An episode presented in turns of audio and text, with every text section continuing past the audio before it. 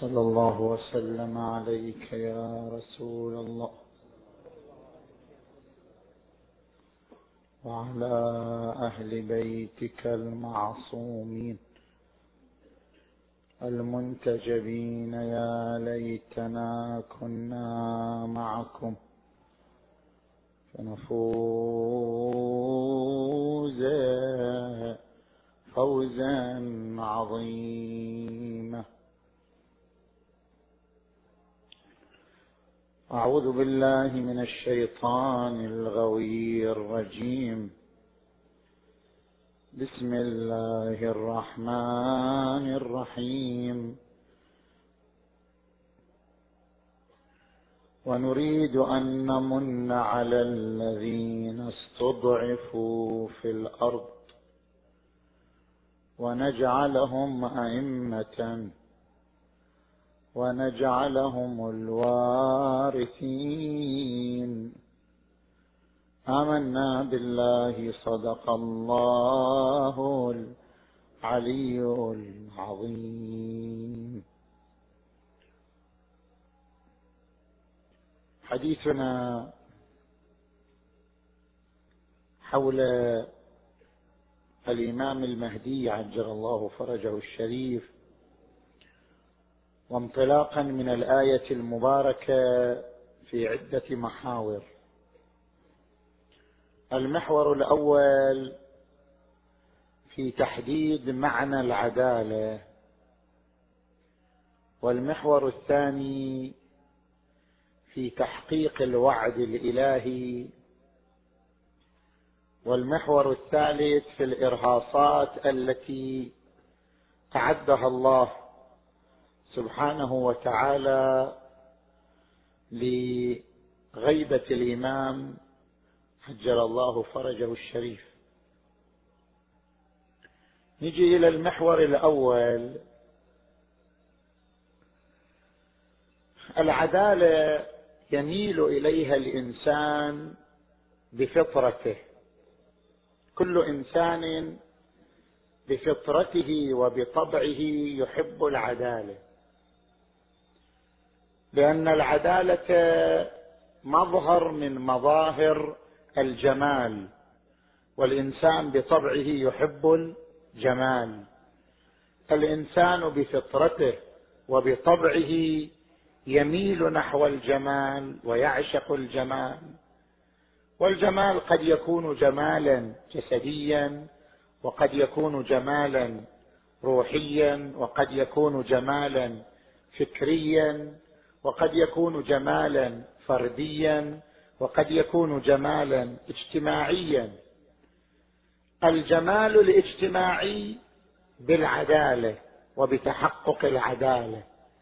فبما أن الإنسان يعشق الجمال فهو يعشق العدالة بفطرته لأن العدالة مظهر للجمال الاجتماعي. ما هو تعريف العدالة؟ قد يقول إنسان بأن العدالة هي المساواة بين الناس. العدالة هي تعني أن توزع الثروة توزيعا متساويا بين الناس بحيث لا يكون لأحد نصيب أكبر من الثروة على غيره. فالعدالة هي التوزيع على نحو التساوي. لكن هذا التعريف للعدالة تعريف خاطئ. العدالة هي الموازنة بين حقوق الفرد وحقوق المجتمع. حتى أشرح لك هذا المعنى للعدالة لابد أن أتعرض لعنصرين مهمين يتعلقان بتحديد مفهوم العدالة. العنصر الأول الله تبارك وتعالى هل خلق البشر متساوين؟ لم يخلق البشر متساوين؟ خلق البشر متفاوتين. فبعضهم أكثر قدرة من البعض الآخر في القضايا الفنية وبعضهم أكثر قدرة من الآخر في التحليلات العقلية بعضهم أكثر قدرة من الآخر في القوة البدنية. خلق البشر متفاوتين في قدراتهم وفي طاقاتهم من الناحية الفنية من الناحية العقلية من الناحية الجسمية من جميع النواحي خلق البشر متفاوتين. القرآن الكريم يقول ومن آياته خلق السماوات والأرض واختلاف ألسنتكم وألوانكم. اختلاف الألسن والألوان هذا كناية عن اختلاف الطاقات لأن اللسان واللون مظهران للطاقة التي يمتلكها الإنسان. وإلا ماكو خصوصية للسان ولاكو خصوصية للون اللسان يعبر عن حجم الطاقة. المرء مخبوء تحت طي لسانه لا تحت طي لسانه. اللسان يعبر عن حجم الطاقة التي يمتلكها الإنسان. ومن آياته خلق السماوات والأرض واختلاف ألسنتكم وألوانكم يعني أن اختلاف المظاهر يكشف عن اختلاف الطاقات الكامنة لدى كل إنسان. فالبشر خلقوا متفاوتين في الطاقات ومتفاوتين في القدرات. لماذا الله خلقهم هكذا؟ لتحقيق الحركة التكاملية.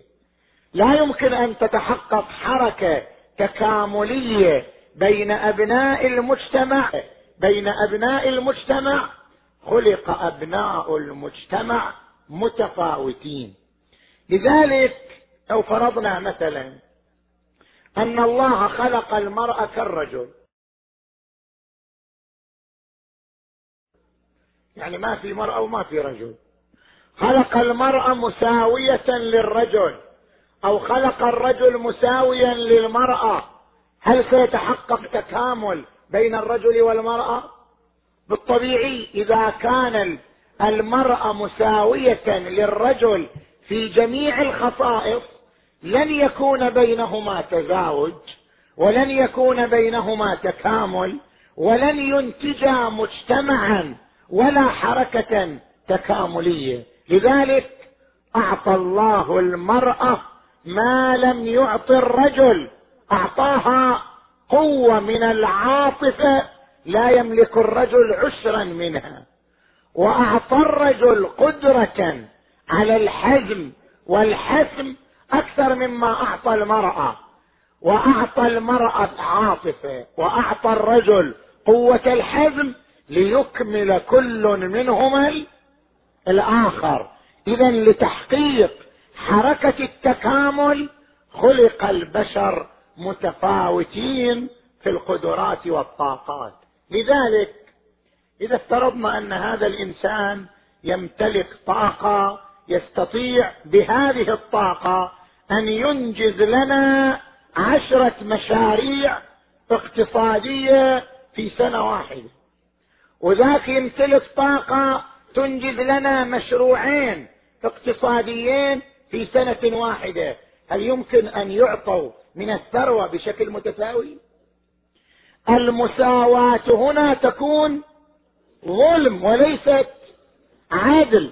لو ساوينا بينهما في توزيع الثروة أو توزيع مرافق السعادة الحياتية لكان ذلك ظلما. تفاوتهم في الطاقة يعني تفاوتهم في الإنجاز.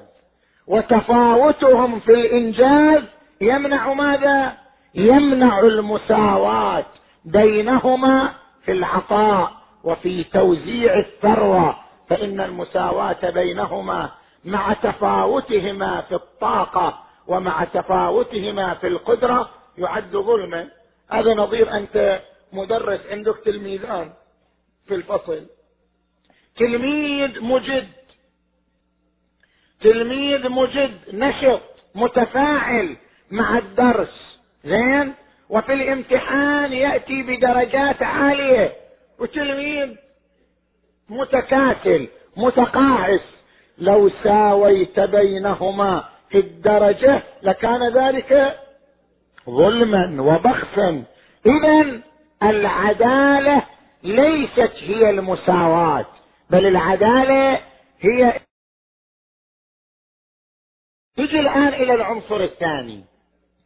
هناك بحث فلسفي ومذكور أيضا عند علماء الاجتماع وهو أن الأصالة للفرد أو الأصالة للمجتمع. أيهما الأصيل؟ هناك نظرية تقول الأصيل هو الفرد.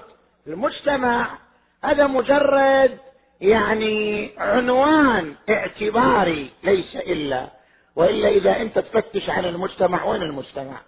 ليس المجتمع إلا الأفراد. ليس المجتمع إلا عنوانا اعتباريا حاكيا عن هؤلاء الأفراد. الأصيل هو الفرد. كلمة المجتمع هذا مجرد عنوان اعتباري لا وجود له هذه نظرية. النظريه الصحيحه ان كليهما أصيل. أم الفرد أصيل أم المجتمع أصيل. الفرد أصيل بالوجود الاولي الوجود العيني الخارجي. هذا الفرد موجود في الخارج زين؟ يتكلم يفكر يعطي يبدع. الوجود الاولي للفرد. وهناك وجود ثانوي للمجتمع. شلون وجود ثانوي؟ أشرح لك هذا المعنى. أيضا الفلاسفة عندهم مصطلح. يقولون هناك فرق بين التركيب الانضمامي والتركيب الاتحادي. شلون؟ يعني أنت من تجي تبني غرفة تبني غرفة تضع لها بابا من خشب. تضع لها نافذة من ألمنيوم تضع لها سقفا من الإسمنت. عندما تركب هذه الغرفة لا يحصل تفاعل بين أجزائها. يبقى الباب من الخشب ما يتغير. تبقى النافذة من الألمنيوم ما تتغير. يبقى الجدار من الإسمنت ما يتغير. ما يحصل تفاعل بين هذه الأجزاء. المركب الذي لا تتفاعل أجزاؤه ولا تتغير. يسموه تركيب انضمامي يعني ضممت شيئا إلى شيء آخر. هناك عندنا تركيب اتحادي يعني الأجزاء تتفاعل وتولد شيئا ثالثا. مثلا تجي إلى الماء. الماء مركب من أكسجين وهيدروجين. الأكسجين لا يبقى أكسجين على حاله. والهيدروجين لا يبقى هيدروجين على حاله. نتيجة تفاعلهما يحدث لنا وجود جديد نسميه الماء. اذا الماء تركيب اتحادي يعني مركب تفاعلت أجزاؤه فحدث وجود ثالث. نفس الشيء بالنسبة للمجتمع. صحيح إحنا عندنا أفراد رجل امرأة أب ابن أخ أخ. زين؟ أفراد متفرقون.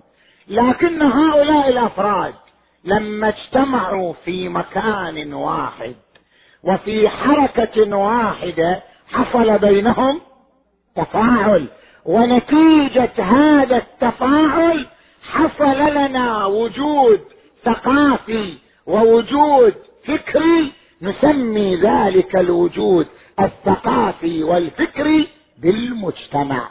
فالمجتمع أيضا أصيل لكن وجوده وجود ثانوي ناشئ عن التفاعل بين أبناء المجتمع والتلاقح والتكامل بين أبناء المجتمع. عام 1799 يعني مطلع القرن الثامن عشر. تذكر مجلة عالم المعرفة الكويتية في عدد 1983 في شهر رمضان أنه وجد في فرنسا صبي عمره 12 سنة من غابة إفيرون. هذا جاي من الغابة صبي رأوه الناس عاريا لا يتأثر لا بالبرد ولا بالحر ومتوحشا يتعامل مع الناس بعدوانية وكلما اقترب منه شخص عضه وانكب عليه وانقض عليه. صور يعني صبي وعاري لا يلبس لا يتكلم يتعامل مع الناس بوحشية. قام دكتور فرنسي دكتور متخصص في علم النفس أجرى عليه دراسات انثروبولوجيه يعني درس سيكيولوجيته ودرس الجوانب النفسية فيه ودرس جميع الأسباب التي حدث به إلى أن يكون هكذا. توصل بعد الدراسة إلى أن هذا الطفل أخذ وألقي في الغابة وتربى في الغابة. ونتيجة تربيته في الغابة أصبح مثل مثل الحيوانات مثل مثل بهائم تماما. يعني هذا الطفل أو هذا الصبي كما يقول يقول الدكتور إيتار الدكتور الفرنسي هذا الصبي أوصل إلى نظرية أن الإنسان له عقلان. عقل خاص وعقل لغوي. العقل الخاص هو العقل الذي يفكر به الإنسان كيف يحصل على طعامه وشرابه وأمنه وراحته. هذا العقل الخاص موجود عند كل إنسان حتى لو تربى في الغابة. وهناك عقل لغوي. عقل لغوي يعني شنو؟ العقل الذي من خلاله يكتسب الإنسان اللغة. من خلاله يكتسب الإنسان الثقافة. من خلاله يتعود الإنسان على أن يحب ويحب. من خلاله يتعود الإنسان على أن يعطي ويأخذ. هذا العقل اللغوي لا يمكن أن يكتسبه الإنسان وحده لا يمكن أن يكتسبه إلا من خلال المجتمع. إذا لابد أن يوجد الإنسان في المجتمع حتى يكتسب العقل اللغوي حتى يكتسب عقلية البناء عقلية العطاء عقلية آه، التعاون عقلية اكتساب الثقافة. اذا المجتمع له وجود وهو الوجود الناشئ عن التفاعل بين الأفراد الذي يقدم لك ثقافة يقدم لك روحية العطاء والبذل يقدم لك روح التعاون. فالمجتمع شيء موجود بالوجود الثانوي. لذلك القرآن الكريم تراه نسب الوجود للمجتمع قال ما تسبق من أمة أجلها ولا يستأخرون. يعني كما أن الفرد له أجل المجتمع أيضا له أجل. كما أن الفرد له حياة وموت المجتمع أيضا له حياة وموت. ضرب الله مثلا قرية كانت آمنة مطمئنة يأتيها رزقها رغدا من كل مكان فكفرت. القرية كلها المجتمع كله. فكفرت بأنعم الله فأذاقها الله لباس الجوع والخوف بما كانوا يصنعون. إذا بعد أن فهمنا أن للمجتمع وجود مثل ما للفرد وجود. إذا كما أن للفرد حقوقا فإن للمجتمع حقوقا مثل ما الفرد موجود. ولأجل أنه موجود صار له حقوق حق الحياة حق الكرامة حق الحرية. المجتمع بما أنه موجود أيضا له حقوق على هذا الفرد. فالعدالة هي الموازنة بين حقوق الفرد وحقوق المجتمع. مثلا لو أراد إنسان قال والله أنا والله اليوم راغب أنه أنا أطبخ لي مثلا ذبيحة على على الحطب. ما أريد غاز ها؟ أريد أطبخ على الخشب ها؟ وأخذ ساحة المنزل وجمع إلى كثير من الخشب وبدأ يطبخ على الخشب طعاما له. طيب أنت عندما تطبخ على الخشب في ساحة بيتك طعاما لك أنت قاعد شنو؟ قاعد توفي حق من حقوقك. الفردية وهو حق الحرية في أن تأكل ما تشاء وتتصرف بأموالك كما تشاء. لكن أنت بممارسة حقك الفردي قد تسلب حقا اجتماعيا. يعني قد يكون هذا الطبخ على حساب المجتمع لأنه يحدث تلوثا في البيئة.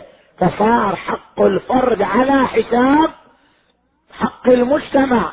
العدالة هي الموازنة بين حق الفرد وحق المجتمع. هذا تحديد العدالة. نجي الآن إلى المحور الثاني. بما أن العدالة هي الموازنة بين حق الفرد وحق المجتمع هل سيأتي يوم تطبق العدالة على الأرض كلها؟ أم لا. إحنا إذا نلاحظ الآيات القرآنية وعد الله الذين آمنوا منكم وعملوا الصالحات ليستخلفنهم في الأرض كما استخلف الذين من قبلهم وليمكنن لهم دينهم الذي ارتضى لهم. وليبدلنهم من بعد خوفهم. امنا يعبدونني؟ لا يشركون بي شيئا. واحد. وقال تعالى ونريد أن نمن على الذين استضعفوا في الأرض ونجعلهم أئمة ونجعلهم الوارثين. وقال تعالى هو الذي أرسل رسوله بالهدى ودين الحق ليظهره على الدين كله. ولو كره المشركون وقال تعالى ولقد كتبنا في الزبور من بعد الذكر أن الأرض يرثها عبادي الصالحون. اذا هذه آيات كلها تشير إلى وعد إلهي أنه سيأتي يوم تكون هذه الأرض كلها بيد الصالحين. يعني يأتي يوم تطبق العدالة على جميع أجزاء الأرض. شوف الحديث النبوي هو شرح إلى هذه الآيات. كيف الأرض يرثها عبادي الصالحون؟ يعني الأرض أموال؟ حتى أنا أجي أورثها؟ كيف يعني يرثها عبادي الصالحون؟ الحديث النبوي يفسر ذلك. يملأ الأرض قسطا وعدلا كما ملئت ظلما وجورا. كيف يملأ الأرض قسطا وعدلا كما ملئت ظلما وجورا؟ يعني امتلاء الأرض بالعدل فرع امتلاء الناس بالعدل. لأن العدالة على الأرض هي نتاج الإنسان. فلا بد أن يكون الإنسان عادل حتى يصير نتاجه عادل. لا يمكن أن تنتشر العدالة على الأرض إلا إذا كان الإنسان عادلا. لأن العدالة على الأرض نتاج للإنسان. لابد أن يكون الإنسان أصلا عادل حتى تنتشر العدالة على الأرض. لأجل ذلك معنى هذا الحديث يملأ الأرض قسطا وعدلا يعني تكون الأساليب التربوية في عصر الإمام المهدي عجل الله فرجه الشريف. الأساليب التربوية للأسرة والأساليب التربوية للمدرسة والأساليب التربوية للمجتمع والأساليب التربوية في وسائل الإعلام. جميع الوسائل التربوية تنتج إنسانا عادلا. هذا معناه. فإذا أنتجت إنسانا عادلا أنتج الإنسان العادل العداله على الأرض كلها. لا تبقى منطقة إلا وفيها عدل. لأنه لا يوجد إنسان إلا وهو إنسان عادل. لأن الأساليب التربوية أساليب تخلق العدالة. في الفرد فينتج العدالة للمجتمع. ملئت قسطا يملأها قسطا وعدلا كما ملئت ظلما وجورا. اذا هناك وعد والوعد لا بد أن يتحقق. لأن خلف الوعد من الله قبيح. خلف الوعد لا يقع من الحكيم. لأن القبيح لا يقع من الحكيم. إذا لا بد من وجود يوم تتحقق فيه العدالة الشمولية للأرض كلها. وذلك اليوم بخروج القائد المنتظر. عجل الله فرجه الشريف. نجي الآن إلى المحور الثالث.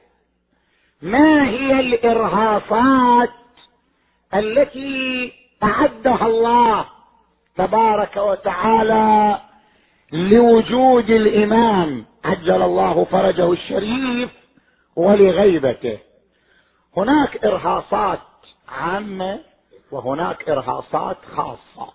قسم الإرهاصات على قسمين. الإرهاصات العامة هي التي تكفل بها الله عز وجل. الله تبارك وتعالى أعد إرهاصات خاصة لوجود الإمام المنتظر ولغيبة الإمام المنتظر. من الإرهاصات الإلهية العامة الأحاديث التي وردت عن النبي المصطفى محمد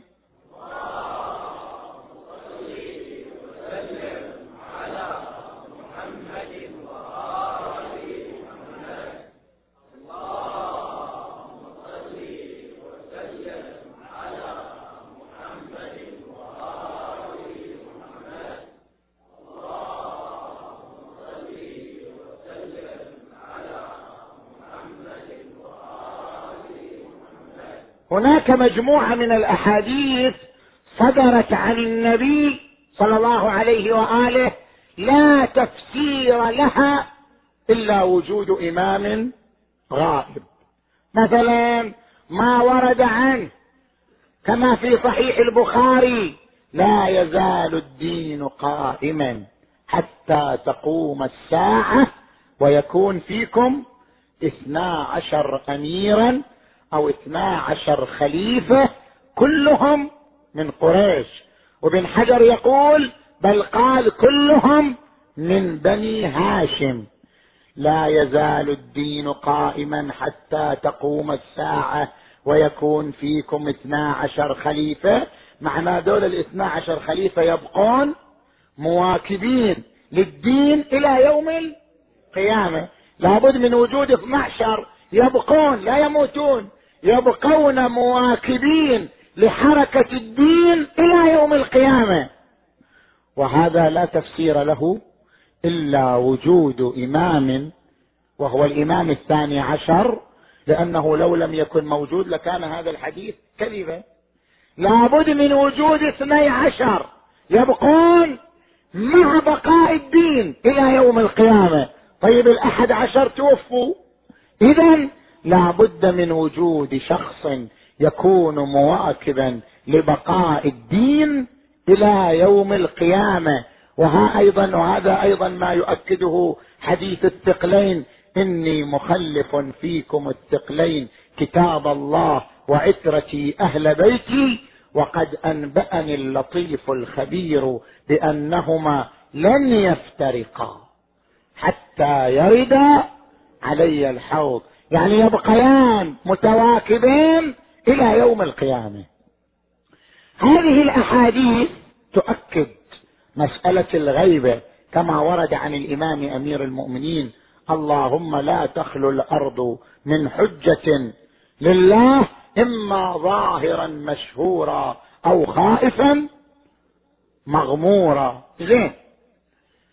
تجي إلى الإرهاص الثاني نفس وجود الإمام الحسن العسكري. يعني قد واحد يتساءل ليش ما تحدثت أنت عن الإمام العسكري انتقلت الامام المهدي؟ وجود الإمام العسكري كان اعداد للإمام المهدي. نفس وجود الإمام العسكري والصفات التي أعطيت له يعني من تقرأ شخصية الإمام العسكري شوف الله أعطاه صفات كانت هذه الصفات ضرورية للتمهيد إلى وجود الإمام المهدي.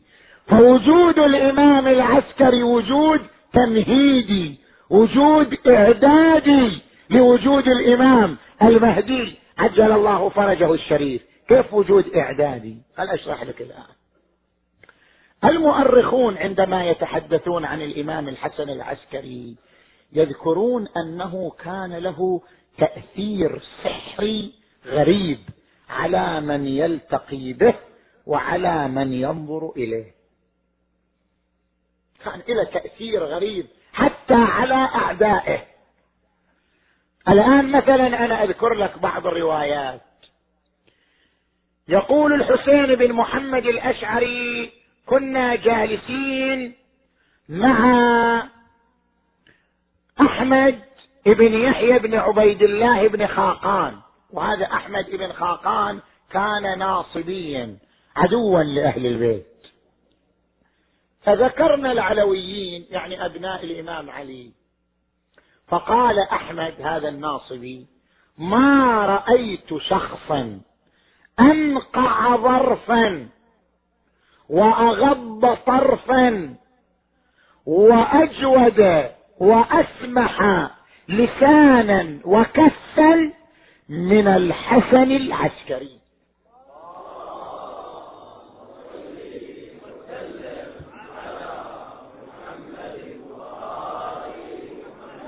قيل وما ذاك كيف انت وجدت هكذا؟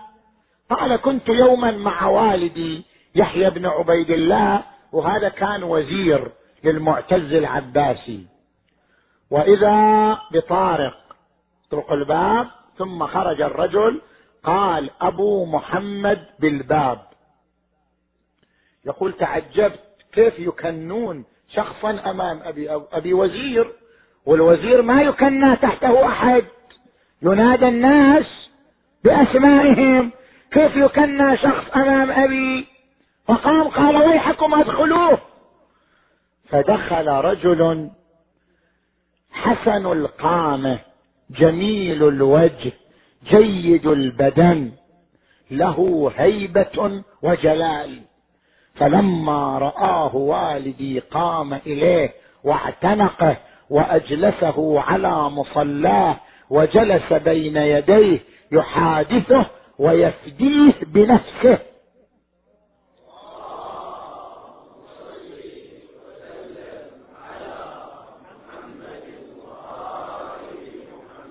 يقول تعجبت أنا يعني والدي وهالوزير العظيم وجالس مثل الطفل بين يديه وكل ساعة قال له أفديك بنفسي كل ساعة قال له أقيك بأبي وأمي. شنو هذا الإنسان؟ فلما خرج قلت من هذا؟ قال هذا إمام الرافضة. لو زالت الخلافة عن بني العباس ما استحقها غيره لعفافه وورعه وزهده وعبادته وصلاحه وجميل أخلاقه. يقول منها أنا عرفت من هو؟ الإمام أبو محمد الحسن العسكري. الإمام الحسن العسكري صالح ابن وصيف كان سجان. أمره المعتمد العباسي بأن يسجن الإمام. الحسن العسكري سجن الإمام. جاء مجموعة من بني العباس فقالوا لصالح بن وصيف هلا ضيقت على الحسن بن علي في طعامه وشرابه؟ قال لقد وكلت به شخصين من شر من قدرت عليه. جبت لأشر الناس وكلتهم به. فما رأيتهم إلا وقد صار من الصلاة والصيام إلى أمر عظيم.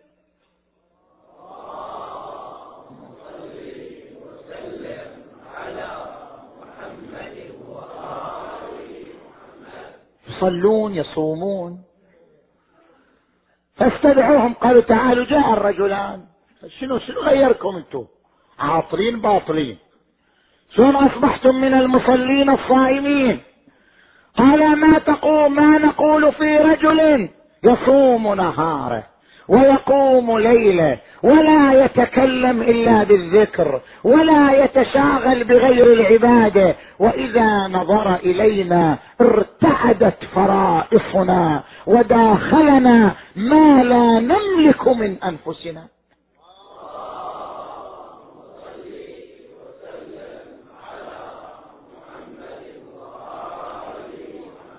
وكان يخرج كل اثنين وكل خميس من بيته إلى البلاط لأنه كان تحت الرقابة. فمن بيته في سامراء إلى القصر قصر المعتز أو المعتمد يخرج كل اثنين وخميس. قبل أن يخرج من الباب الناس فوضى. الناس تتكلم الدواب آه، تنهق الخيول تصهل فإذا خرج من الباب غمر الناس والدواب السكوت إلى أن يصل إلى باب القصر.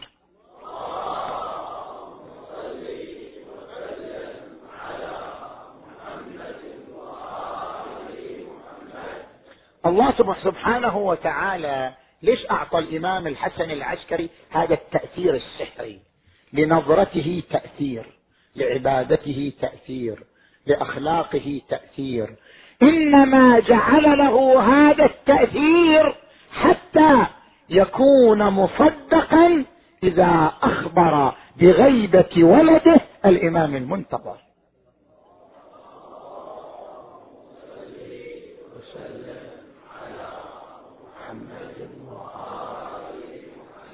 ولهذا تشوف مثلا النبي صلى الله عليه وآله ليش الله خلاه إنسان صادق أمين إلى أن جاء يوم البعثة؟ ولما جاء يوم البعثه وقف على الناس قال لو أخبرتكم أن إبلا أقبلت إليكم أن خيلا أو إبلا أقبلت إليكم من الجبل كنتم مصدقين قالوا بلى ما عهدنا عليك كذبا أنت الصادق الأمين. قال فأخبركم أني رسول الله بين يدي عذاب شديد. اذا هناك إعدادات للشخصية. الله تبارك وتعالى قد يهب شخصا إعدادات معينة بحيث يكون حسن السمعة مقبول الكلمة ذا تأثير سحري على الآخرين. نتيجة لأنه معد لدور آخر. الإمام العسكري كذلك أعطي شخصية ذات تأثير بلسانها بصوتها بشكلها بأخلاقها. حتى إذا تصدى لإبلاغ الناس بغيبة ولده الإمام المنتظر. عجل الله فرجه. كان مصدقا بين الناس وكان كلامه مقبولا بين الناس. اذا دور الإمام العسكري كان إعداد إلى دور ولده الإمام المنتظر. هذه الإرهاصات العامة. الإرهاصات الخاصة هي التي مارسها الإمام العسكري سلام الله عليه. الإمام العسكري مارس دورين إعداديين لغيبة ولده الإمام المنتظر. الدور الأول هو تربية المجتمع الشيعي على الاعتماد على السفراء. صار الإمام العسكري يحتجب بالشهور عن الناس ويأمر الناس بالاعتماد على وكلائه وعلى علماء الشيعة آنذاك حتى يتعودوا على غيبة الإمام واستقبال الغيبة. لأن الناس لو حصلت لهم الغيبة فجأة لأصابهم الارتداد وأصابتهم صدمة نفسية. مثل ما تجي أنت للطالب عندك في الفصل تقول له الآن عليكم امتحان. شلون امتحان؟ لا حضرنا لا ذاكرنا لا كذا. هذا الطالب يصاب بالإحباط والصدمة النفسية. أيضا الغيبة ما جاءت دفعية. جاءت قبلها إعدادات وإرهاصات. الإمام العسكري عود الشيعة على الاعتماد على سفرائه ووكلائه حتى كان الشيعة يعطون أموالهم وحقوقهم لعثمان بن سعيد العمري السمان. كان يبيع سمن وكان يضع الأموال في جراب السمن ويأتي بها إلى الإمام العسكري صلوات الله وسلامه عليه. الدور الثاني الذي قام به الإمام العسكري هو الإعلان. أعلن عن ولده الإمام المهدي بشكل تدريجي. إعلان عام ثم إعلان خاص ثم إعلان أخص. اولا أعلن إعلان عام قال أيها الناس إذا قام القائم حكم بعلمه قضى بعلمه كقضاء داود. لا يسأل عن البينة.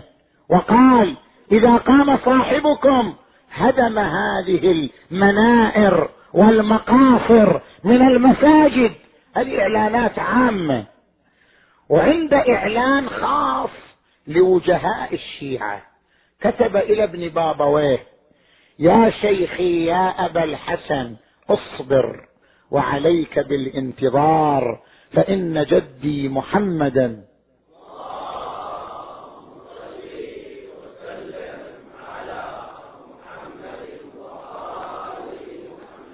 رسول الله صلى الله عليه وآله قال أفضل أعمال أمتي انتظار الفرج فاصبر وأمر شيعتنا بالصبر حتى يظهر مهدينا فيملأ الأرض قسطا وعدلا كما ملئت ظلما وجورا. وإن الأرض لله يورثها من يشاء من عباده والعاقبة للمتقين. وهناك إعلان أخص. كيف هذا الإعلان الأخص؟ جمع أربعين شخص من علماء الأمة آنذاك في مرضه الذي توفي فيه الإمام العسكري. جمعهم يقول معاوية بن حكيم كان من بينهم محمد بن عثمان العمري محمد بن أيوب كانوا جالسين. يقول فخرج علينا غلام قطط الشعر بهي الطلعة. فلما نظر إليه قال هذا صاحبكم بعدي وهذا خليفتي فيكم وهذا القائم التي تمد له الأعناق والأنظار. فإذا امتلأت الأرض ظلما وجورا قام وملأها قسطا وعدلا. اذا هناك إعدادات قام بها الإمام العسكري عليه السلام لغيبة ولده نجي الآن إلى المحور الأخير. أطرح في هذا المحور الأخير سؤالين. السؤال الأول ما هي فائدة بقاء الإمام هذا العمر الطويل؟ نحن نؤمن ببقائه عمرا طويلا لأن هذا أمر ممكن علميا. يمكن أن يبقى الإنسان سليم الخلايا لآلاف السنين. إذا عرف طرق الوقاية من الأمراض أي إنسان يعرف طرق الوقاية من الأمراض؟ يمكن أن يبقى آلاف السنين سليم الخلايا متجددها ويبقى يعني قويا حيا متجددا. هذا أمر ممكن علميا ما يحتاج نناقش فيه. زين؟ لكن ما الفائدة في بقائه؟ يعني ليش ما الله تبارك وتعالى خلقه آخر الزمان يولد آخر الزمان زين؟ ويقوم بدولته المباركة ويمحو الظلم وينشر العدل. لماذا خلقه وأبقاه؟ هذه المدة الطويلة المديدة إلى أن يأتي اليوم الموعود. لماذا؟ هذا السؤال الأول. السؤال الثاني لماذا قرن به عيسى ابن مريم؟ من دون باقي الأنبياء. يعني أنت الآن من تقرأ الروايات حتى عند إخواننا أهل السنة موجود في البخاري كيف بكم إذا نزل عيسى ابن مريم عليكم وإمامكم منكم؟ زين الله قرن به عيسى ابن مريم من دون باقي الأنبياء جعل عيسى ابن مريم وزيرا له. أما بالنسبة للسؤال الأول بقاء الإمام هذه المدة الطويلة ليكون شاهدا حسيا على المظالم التي ألمت بأمة النبي محمد صلى الله عليه وآله.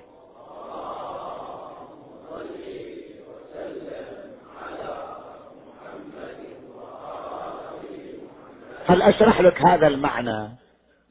الإنسان بطبعه يؤمن بالدليل الحسي أكثر مما يؤمن بالدليل العقلي.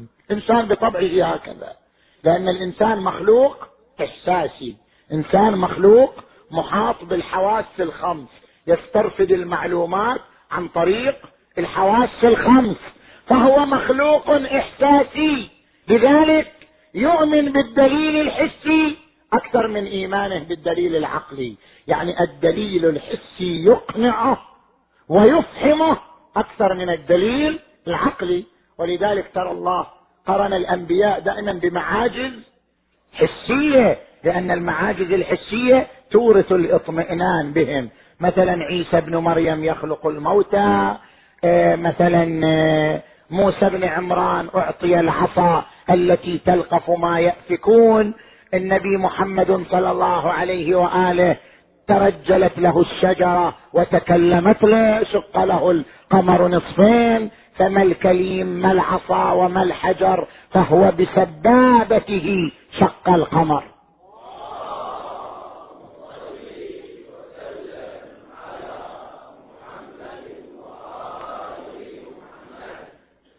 الله قرن الأنبياء بمعاجز حسية مع أن عندهم أدلة عقلية لأن طبيعة البشر لا تؤمن إلا بالدليل الحسي. ولذلك تلاحظ حتى الأنبياء القرآن ينقل عنهم يركزوا على القضية الحسية. قال رب أرني كيف تحيي عنده دليل عقلي هو نبي. ويعرف أن الله قادر على إحياء الموتى وعنده أدلة عقلية لكن الدليل الحسي أكثر أكثر إفحاما وأكثر إحجاجا. قال رب أرني كيف تحيي الموتى؟ قال ولم تؤمن؟ قال بلى ولكن ليطمئن قلبي يصير اطمئنان أكثر بالدليل الحسي. قال رب أرني أنظر إليك. قال لن تراني لكن أنا أجيب لك دليل حسي. ولكن انظر إلى الجبل فإن استقر مكانه فسوف تراني. فلما تجلى ربه للجبل جعله دكا اذا الدليل الحسي أكثر مساهمة في حصول الاطمئنان من الدليل العقلي. ولذلك حتى يوم القيامة شوف هذا الإنسان يوم القيامة وجاي وهو جادل. لا مو صحيح. وأنا ما فعلت سيئة وأنا ما عملت عمل فاسد وأنا رجال زين وأنا خوش يعني الإنسان حتى يوم القيامة يجادل وحاجج وكان الإنسان أكثر شيء جدلا. يجادل حتى يوم القيامة. يوم تأتي كل نفس تجادل. عن نفسها يسكت هذا الإنسان. عجيب في الجدال. إذا كيف يفهمه الله تبارك وتعالى؟ يقول له هذه أعمالك هذه سيئاتك هذا دفتر يقول لا مو معلوم يمكن يمكن الملائكة مشتبهين. يمكن لا مو صحيح. أنا انسان خوش إنسان. يفهم يوم القيامة بالدليل الحسي. يقيم له دليلا حسيا كي يفهمه يوم نختم على أفواههم. وتكلمنا. دليل حسي. وتكلمنا أيديهم وتشهد أرجلهم بما كانوا يكسبون. وقال وقالوا لجلودهم لم شهدتم علينا؟ قالوا أنطقنا الله الذي أنطق كل شيء. فاذا الدليل الحسي أكثر ايصالا للاطمئنان من أي دليل عقلي. الإمام عجل الله فرجه. طبعا مكلف بإقامة الدولة العادلة وبمحو الظلم من جذوره. ومحو الظلم من جذوره يستدعي أن يتبع جذور الظلم منذ أن مات آخر إمام وهو الإمام العسكري إلى يوم خروجه. يتبع جذور الظلم كلها سواء كانت جذور تاريخية أو جذور اجتماعية أو جذور مكانية أو جذور زمانية يتتبع جذور الظلم كلها من تلك الفترة إلى يوم خروجه حتى يقتلعها من أسسها ويقيم الدولة العادلة.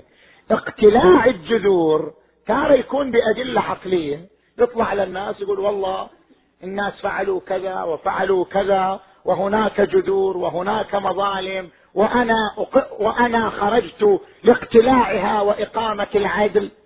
هذا لا يكون طريقا مفهما للناس كما لو خرج وقال أنا بعيني رأيت وبأذني سمعت وأنا بنفسي حضرت هذه المظالم كلها وأقام عليهم الشواهد الحسية التي رآها. والدلائل الحسية التي عاينها منذ يوم غيبته إلى يوم خروجه. إذا أقام شواهد حسية مشفوعة ببصره وبسمعه وبجميع حواسه كان ذلك دليلا حسيا أكثر افحاما للناس وأكثر احتجاجا عليهم من أي دليل عقلي.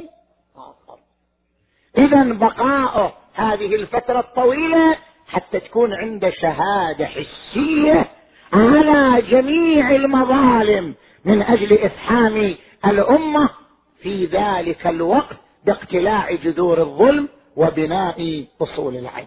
نجي للسؤال الثاني ليش قرن به عيسى ابن مريم دون باقي الأنبياء؟ ظاهر بعض الروايات أنه يوم خروج الإمام الدين المسيطر على الأرض هو الدين المسيحي. يعني أن الدين المسيحي تبقى بيده مقاليد الأمور مثل ما هو الآن في زماننا هذا. زين؟ الآن في زماننا هذا الدين الإسلامي دين شعوب. زين؟ والبوذية أيضا دين شعوب. يعني لعل البوذيين أكثر من المسيحيين عددا. لا أدري.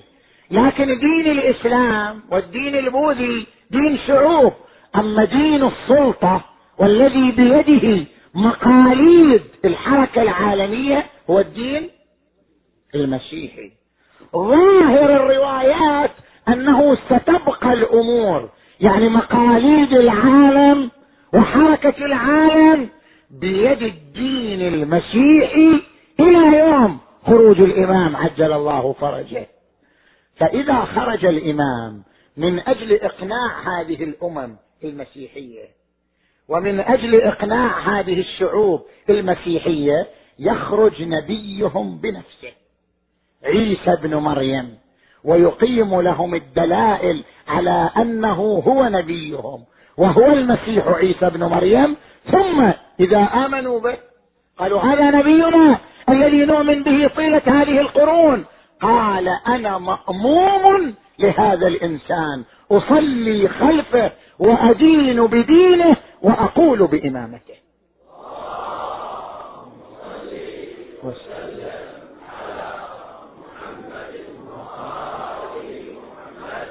فيظهر الدين على الدين كله. يظهر لماذا؟ لأن نبيي المسيحيه بنفسه يعترف بإمامة الإمام ويصلي خلفه فتؤول إليه مقاليد الأمور. اذا الله تبارك وتعالى هيأ للإمام عاملين مهمين العمر الطويل ليكون شهادة حسية على المظالم وعيسى ابن مريم ليكون شاهدا على إمامته وصدق دينه فينقاد العالم إليه. يملأ الأرض قسطا وعدلا كما ملئت ظلما وجورا. وإذا خرج يخرج اولا بين الركن والمقام. ثم ينتشر خبره فيبحث عنه الظالمون فيختفي. ثم يخرج مرة أخرى من الكوفة ومعه رجال كزبر الحديد يقاتلون بين يديه.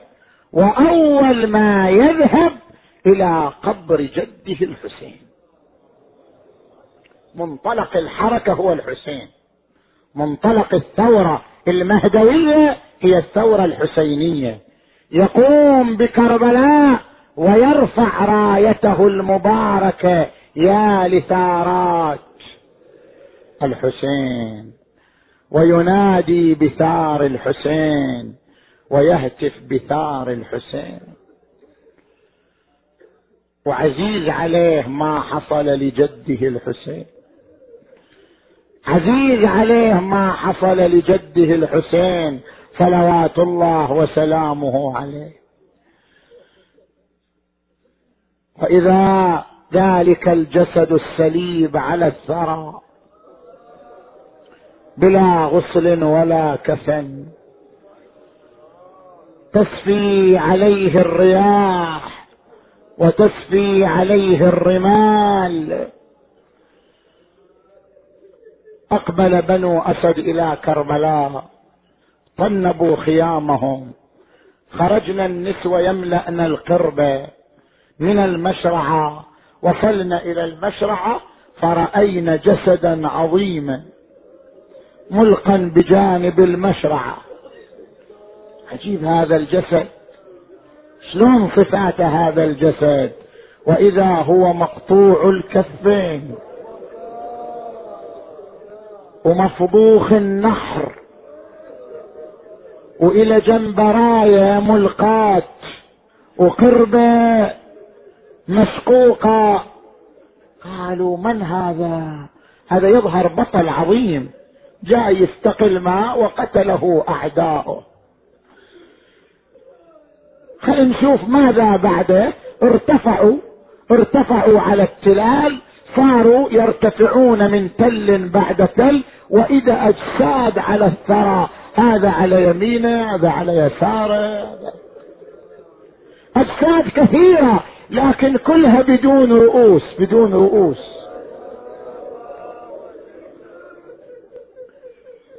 صاروا يتعقبون جسدا جسدا.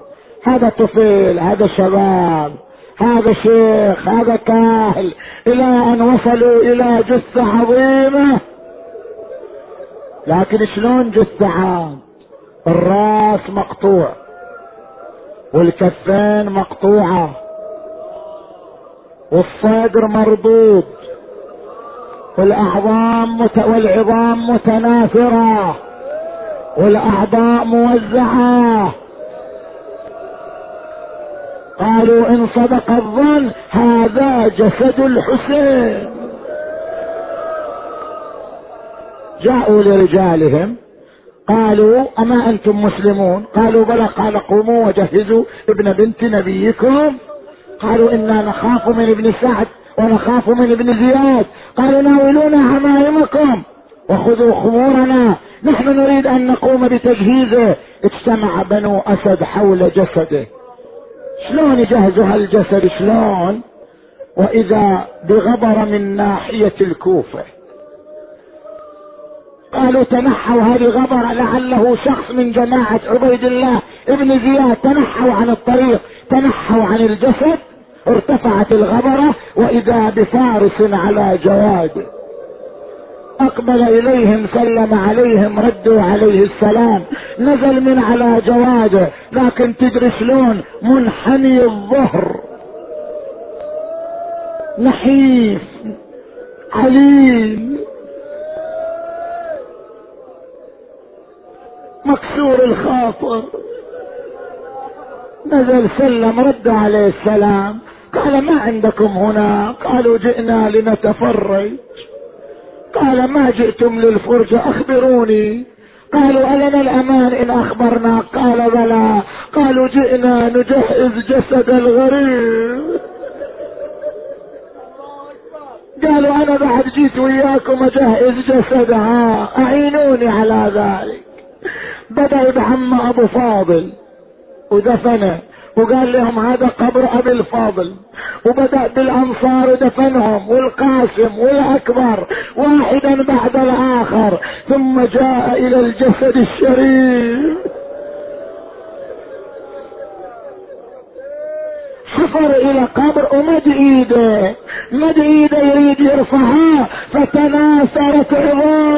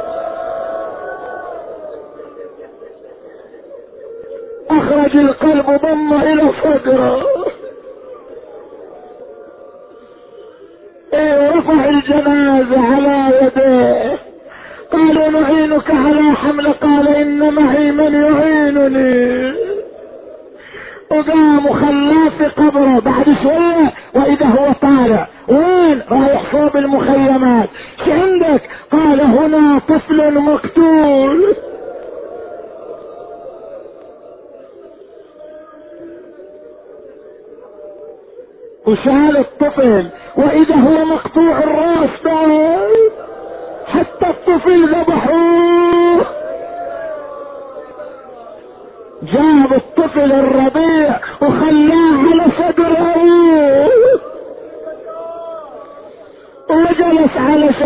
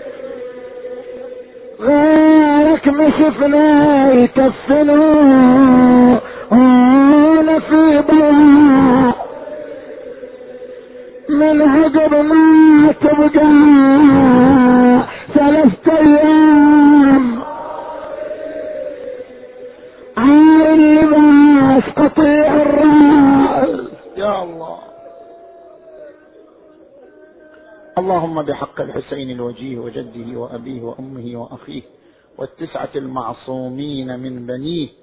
اللهم تقبل أعمالنا واشف مرضانا ومرضى المؤمنين والمؤمنات خصوصا المرضى المنظورين يا الله واقض حوائجنا وحوائجهم. اللهم اجعل خير أعمالنا خواتمها وخير أيامنا يوم نلقاك. اللهم كن لوليك الحجة بن الحسن صلواتك عليه وعلى آبائه. في هذه الساعة وفي كل ساعة وليا وحافظا وقائدا وناصرا ودليلا وعينا حتى تسكنه أرضك طوعا وتمتعه فيها طويلا. وارحم أمواتنا وأموات المؤمنين والمؤمنات وإلى أرواح الجميع بلغ ثواب الفاتحة. تسبقها الصلوات.